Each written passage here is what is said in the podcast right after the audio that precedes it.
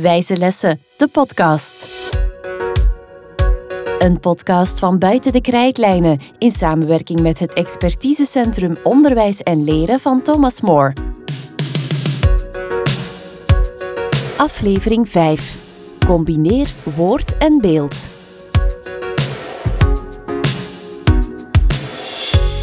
Hallo en welkom bij de Wijze Lessen podcast. In 14 afleveringen brengen wij jou 12 didactische bouwstenen bij om je lessen beter en effectiever te maken. Mijn vaste gast in deze podcast is Tim Surma, de managing director van het expertisecentrum Onderwijs en Leren van Thomas More en een van de auteurs van het boek Wijze Lessen. Dag Tim.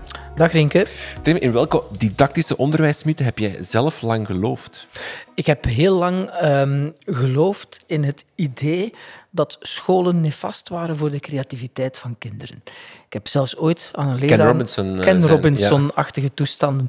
Uh, ik, uh, ik heb dat zelfs uh, tot mijn diepe schaamte vertoond aan een lerarenopleiding, terwijl ik nu achteraf ehm, had niet verder van de waarheid kunnen staan dan hetgeen ik toen, toen verteld had. Dat klinkt zo plausibel, Ehm, maar eigenlijk is dat, uh, dat soort herhaaldelijke boodschappen over onderwijs, dat is niet goed voor het veld. Als je mm. continu te horen krijgt dat je creativiteit doodt, terwijl dat eigenlijk helemaal niet waar hoeft het te zijn. En meer zelfs, scholen zijn de grootste bron voor mijn part van creativiteit. Als je dat heel de tijd hoort als, als, als veld, dan kan het bijna niet anders dan dat een beroep als leraar in aanzien verliest. Dus dat vind ik eigenlijk heel kwalijk en een grote mea culpa voor mezelf en mijn oud-studenten destijds. Uh, jij hebt iemand meegebracht, ook in deze aflevering, om uh, jou bij te staan. Wie heb je deze keer meegebracht? Professor Paul Kirchner zit hier links van mij. Is professor emeritus aan de uh, Open Universiteit. is ook gastprofessor bij ons expertisecentrum.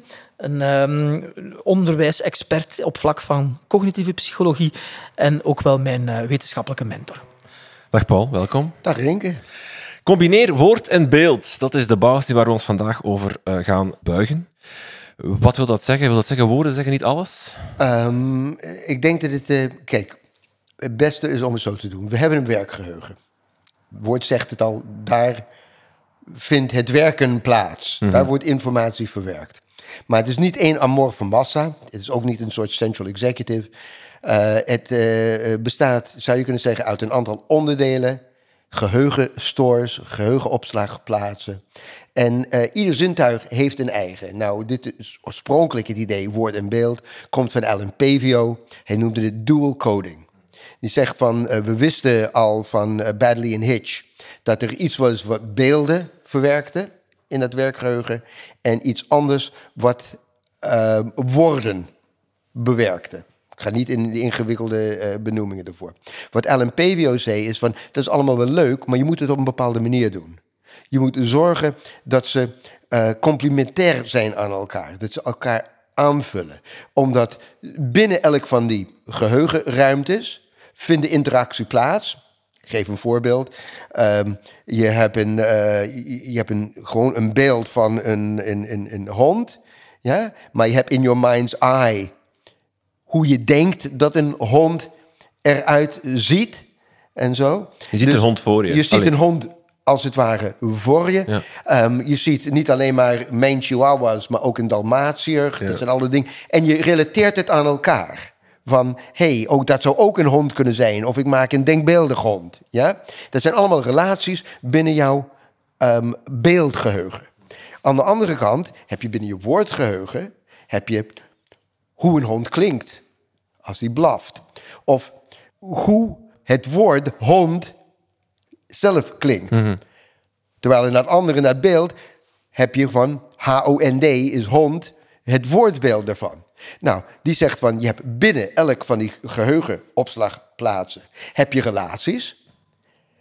En tussen die twee heb je relaties. Het geluid woef en of blaf en, en, en, en het woord daarvoor. En naarmate je meer en betere relaties kan bouwen, lijnen kan bouwen, zowel binnen als tussen, des te beter zal het bekleven in je lange termijn geheugen. Nou, dat is de essentie van goed combineren. Het is niet combineren van woord en beeld, het is goed combineren van woord en beeld. Um, wat maakt dat verschil exact? Als je het niet goed combineert, als bijvoorbeeld een beeld een leuke opleukende beeld is, Ja. maar waaraan je geen betekenis kan verbinden met datgene waar het over gaat, alleen maar bedoeld om het op te leuken, ja? nou, dan leer je het niet goed. Of als je het combineert op een wijze van, ehm, ik heb hier op een foto de verschillende delen van de anatomie. En onderaan heb ik een legenda met een lijst. Dat is even iets anders dan als je het verwerkt in het beeld. De woorden heet ruimtelijk nabijheid. Hoe dichter bij de woorden zijn bij dat in een afbeelding, des te beter zal je het leren. Dat is het goed combineren ervan, terwijl het slecht combineren is een afbeelding en daaronder een legende waar je steeds moet kijken van A, oh dat is dat, dat is dat, oh B, dat is dat. Nou, als je, mensen kunnen mijn ogen niet zien, maar dat is eh, een, een, een, een manier van goed of slecht combineren van woorden en beelden. Ja, het komt er in essentie eigenlijk op neer door de theorie die onder andere Ellen Pavio eh, bedacht heeft en dat je ook als mens in real life ervaart. Dan weet je eigenlijk, kijk, het, het, het beeld bij het woord, dat kan je als mens wel tegelijkertijd eh, verwerken. Hè? Dus dat, dat, dat kan. Hey, Paul, Paul heeft gestart daarnet, of, of, of heeft in een van de, de eerste sessie over de beperking van ons werkgeheugen eh, gepraat.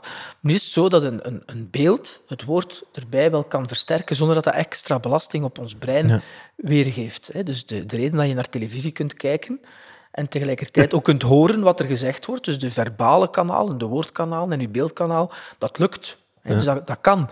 Ehm, het is natuurlijk nu zaak om te beseffen dat je dat als leerkracht ook dat voordeel kunt gaan gebruiken. hè.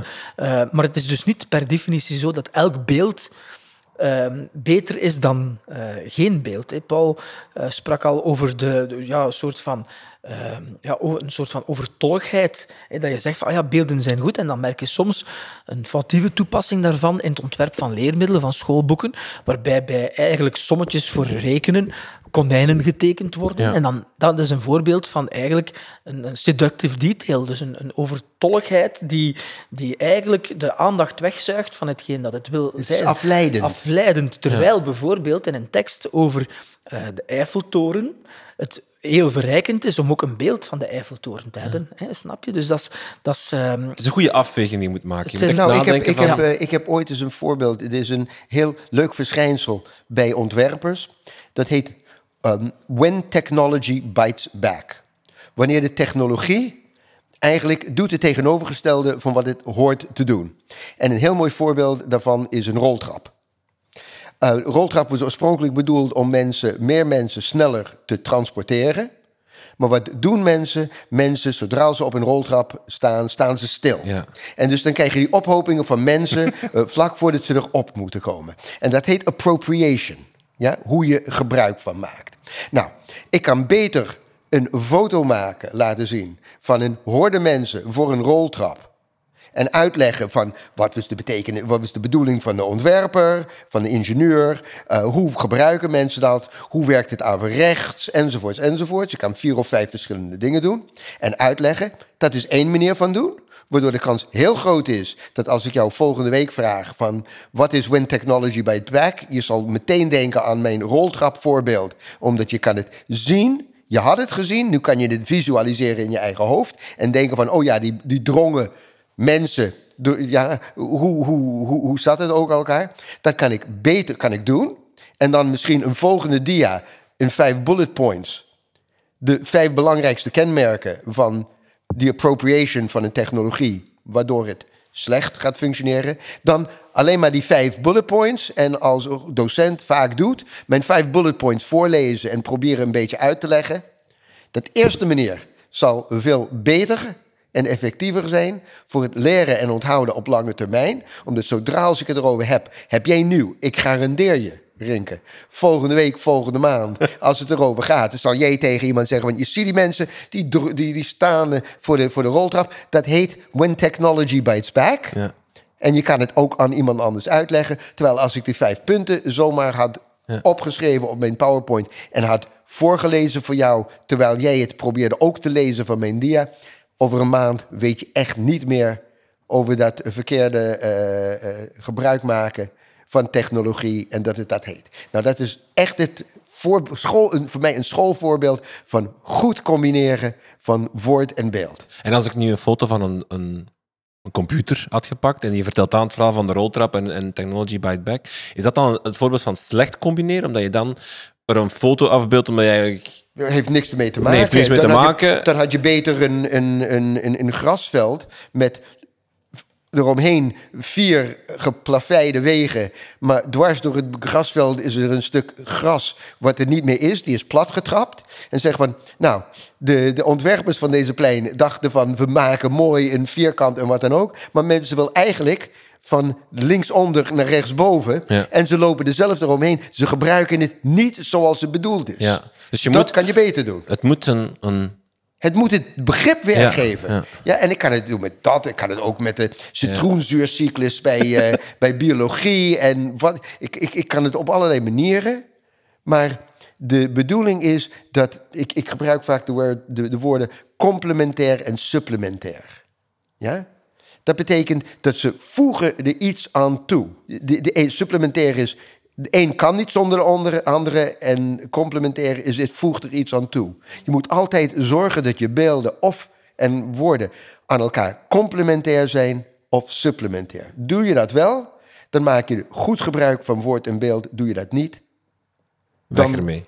weg ermee. Is weg ermee echt, echt dan het beste wat je kan doen? Want bijvoorbeeld, je maakt een PowerPoint, je wil dat leuk doen, en je wil een, een mooie PowerPoint maken. Hè, dat is het, het idee dan. En dan denk je, ik voeg foto's toe, maar eigenlijk is less is more. Ja, less is more. Het, eh, het is wel zo, het- de beelden die je kiest gaan sowieso aandacht genereren. Dus stel nu voor, denk je, ik had vergelijken met iets dat, dat ook heel herkenbaar gaat zijn voor de luisteraar. Als je naar televisie kijkt en ehm, er is een bepaalde reeks en er wordt in gesproken, je krijgt beeld en woord gecombineerd, maar er is ook nog een ondertiteling bij.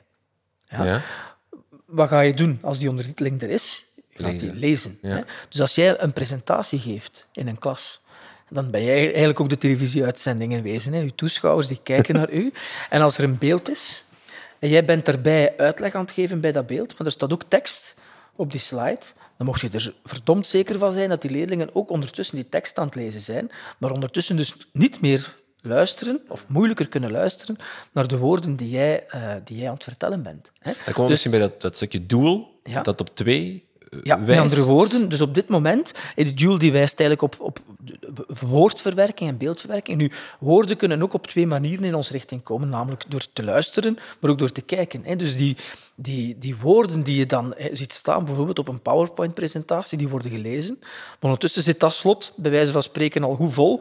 Dus dan kan je al moeilijker verwachten dat, dat, je, dat je leerlingen, je toeschouwers eigenlijk op dat moment ook nog dat, die, die, die, die informatie die via trommelvliezen binnenkomt ook gaan verwerken. Dat is heel moeilijk. Hè? Dus het, ehm, eh, een, een slide met beeld, vol tekst, plus nog als leerkracht er uitleg bij geven, dat is van het goede te veel. Hè? Dus dan is het beter dat je de tekst van die slide wegdoet. En dan weet je dat men zal kunnen luisteren, maar ook kijken naar, wat je, naar wat je aanbiedt. Dus je kan beter het vertellen en dan zeggen van... hier som ik het op een vijf punten op een volgende dia en, en niet erbij praten. Ja. Ik bedoel, als we gaan werkgeheugen... we hebben ook gesproken in de eerste uitzending over werkgeheugen... en hoe beperkt die is. Als je vraagt aan mensen om datgene wat ze aan het lezen zijn... te begrijpen, dat noemen we semantisch decoderen... de woorden decoderen. En tegelijkertijd wat ze horen, semantisch te decoderen. Ze kunnen niet tegelijkertijd doen. Je kan Ja. niet multitasken. Dus je overbelast hun werkgeheugen door ze te vragen op twee verschillende manieren semantisch te decoderen. Ja. Dus doe het ene of het andere. Of dat het er is. Ik heb slides met soms met woorden, niet veel woorden, maar ik laat mensen lezen en dan praat ik erover. Ja, als ik denk dat ze dat eerst moeten lezen voordat ik erover kan praten. Of soms praat ik erover en daarna heb ik de vier of vijf belangrijkste punten op een rij. Als het ware om een rehearsal, een herhaling voor hen in hun hoofd. Dat het een tweede keer bij ze komt. Maar nu niet meer in wat ze horen, maar wat ze zien. Maar tegelijkertijd, nooit. Is het iets wat dan, hoe- combineren woord en beeld, een bouwsteen die vooral belangrijk is als je een instructie voorbereidt, met een, met een PowerPoint of met beelden erbij, dat je dan goed nadenkt over, oké, wat ga ik vertellen, wat ga ik projecteren als woorden en wat ga ik projecteren als afbeelding? Ja, en ook tijdens uitvoering ervan. Met andere woorden, als je dat goed voorbereidt, eh, dan, dan, dan ga je ook de, de problemen die we zo pad geschetst hebben, die ga je dan ook veel, veel minder tegenkomen in, uh, in real-life settings. Ik denk dat bijvoorbeeld ook belangrijk is om te beseffen, bij voorbereiding ervan, als je met heel abstracte uh, dingen bezig bent, waarbij je op voorhand al weet dat leerlingen zich er eigenlijk weinig kunnen bij voorstellen, dat je op zoek gaat naar goed beeldmateriaal om dat duidelijk te maken. En dat geldt vooral voor elk type, type vak. Um, ook in, ik zeg nu, in beroepsonderwijs. Je gaat toch ook geen leerling uh, gewoon een tekst laten leren over hoe te metsen. Hè. Bijvoorbeeld, je, je, wil, je wil beelden daarbij. Het, uh, technologie genoeg, uh, virtual reality bij wijze van spreken, genoeg voorhanden om tegenwoordig meer abstracte begrippen heel tastbaar te maken met behulp van beeld. Een, een, een voorbeeld wat je zou kunnen bedenken van... Stel ik voor dat ik, dat ik vrouw Justitia ga afbeelden bij recht of rechtvaardigheid. Ik kan het op twee manieren doen. Ja? Ik kan over rechtvaardigheid en het beeld van vrouw Justitia. En dan kijkt men mensen aan het kijken van, hè, hoe ziet dat eruit? Ja. Uh, bijna blote dame, uh, uh, een zwaard in de ene hand, een weegschaal, weet ik veel wat. Ze zijn echt niet naar mij aan het luisteren.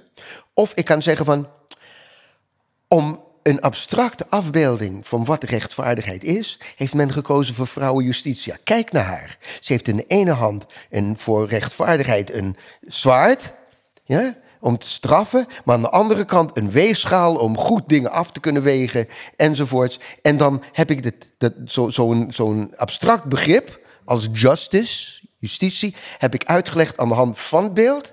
Maar als ik het niet op zo'n manier doe, en praat over wat rechtvaardig is. En ik heb een beeld van vrouw Justitia erin. Nou, zijn ze bezig aan het kijken naar vrouw Justitia, zijn ze niet meer aan mij aan het luisteren.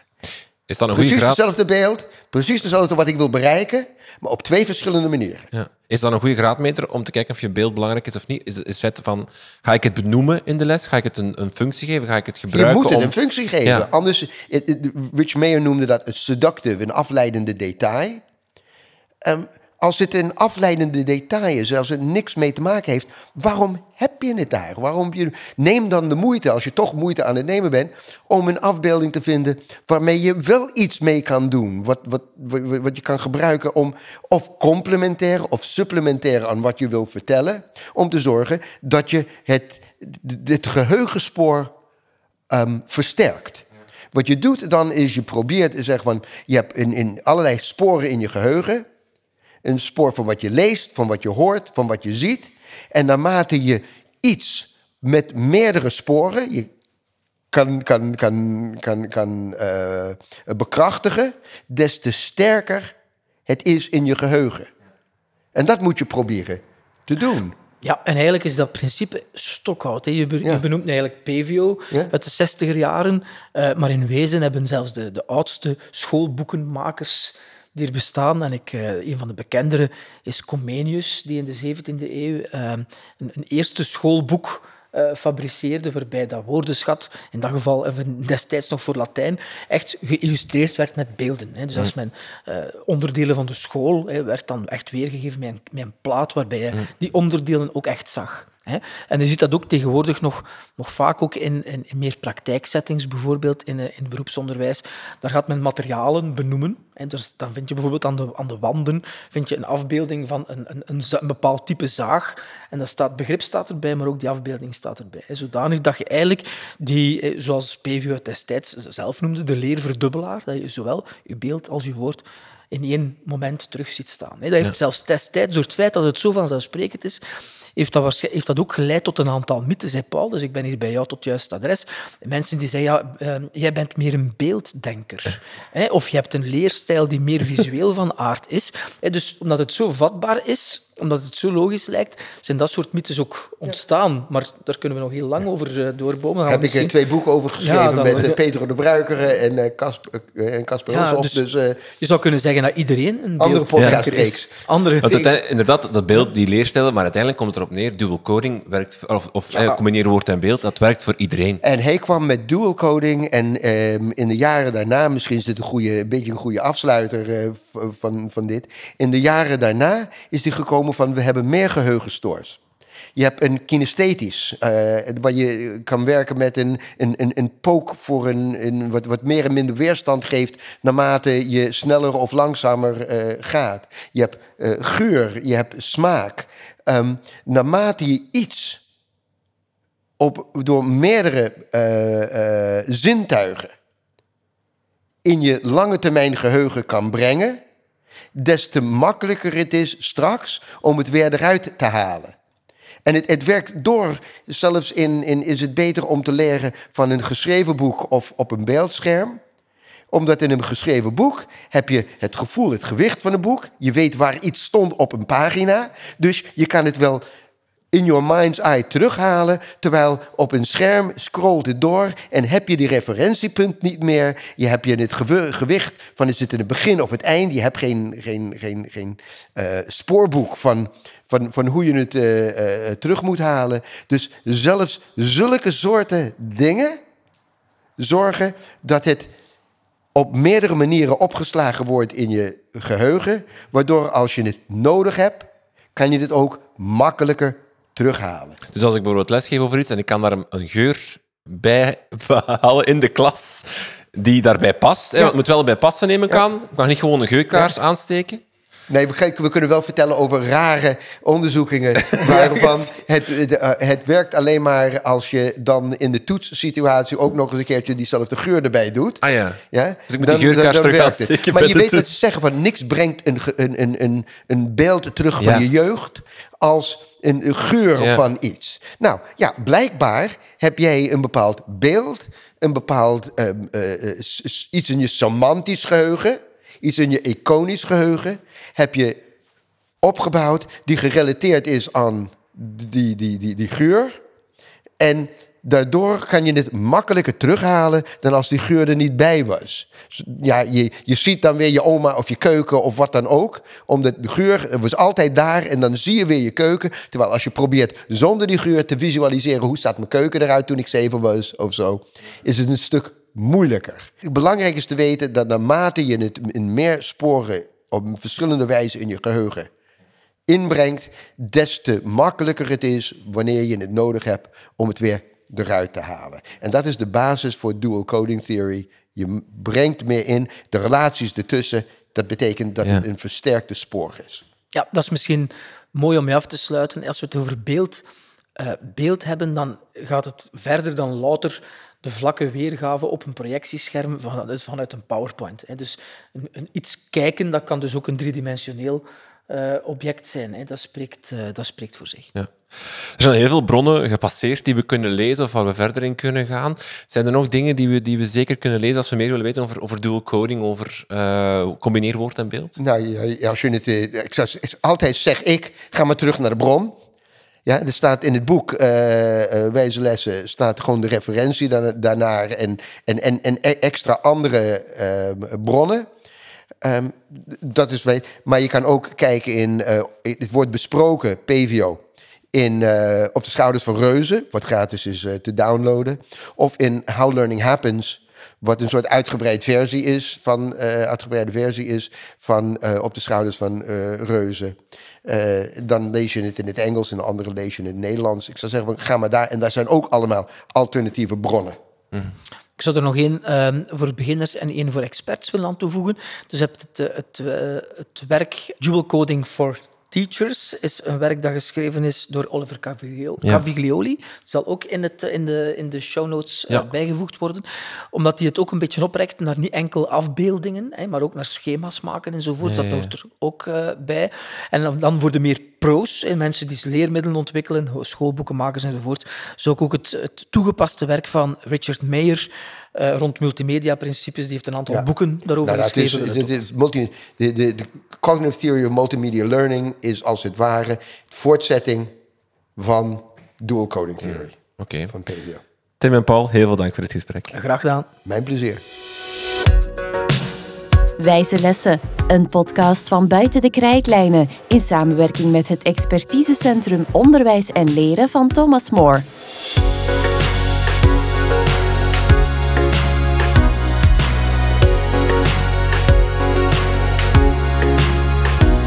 Wil je meer weten over wijze lessen en deze podcast? Surf dan naar www.dekrijtlijnen.be.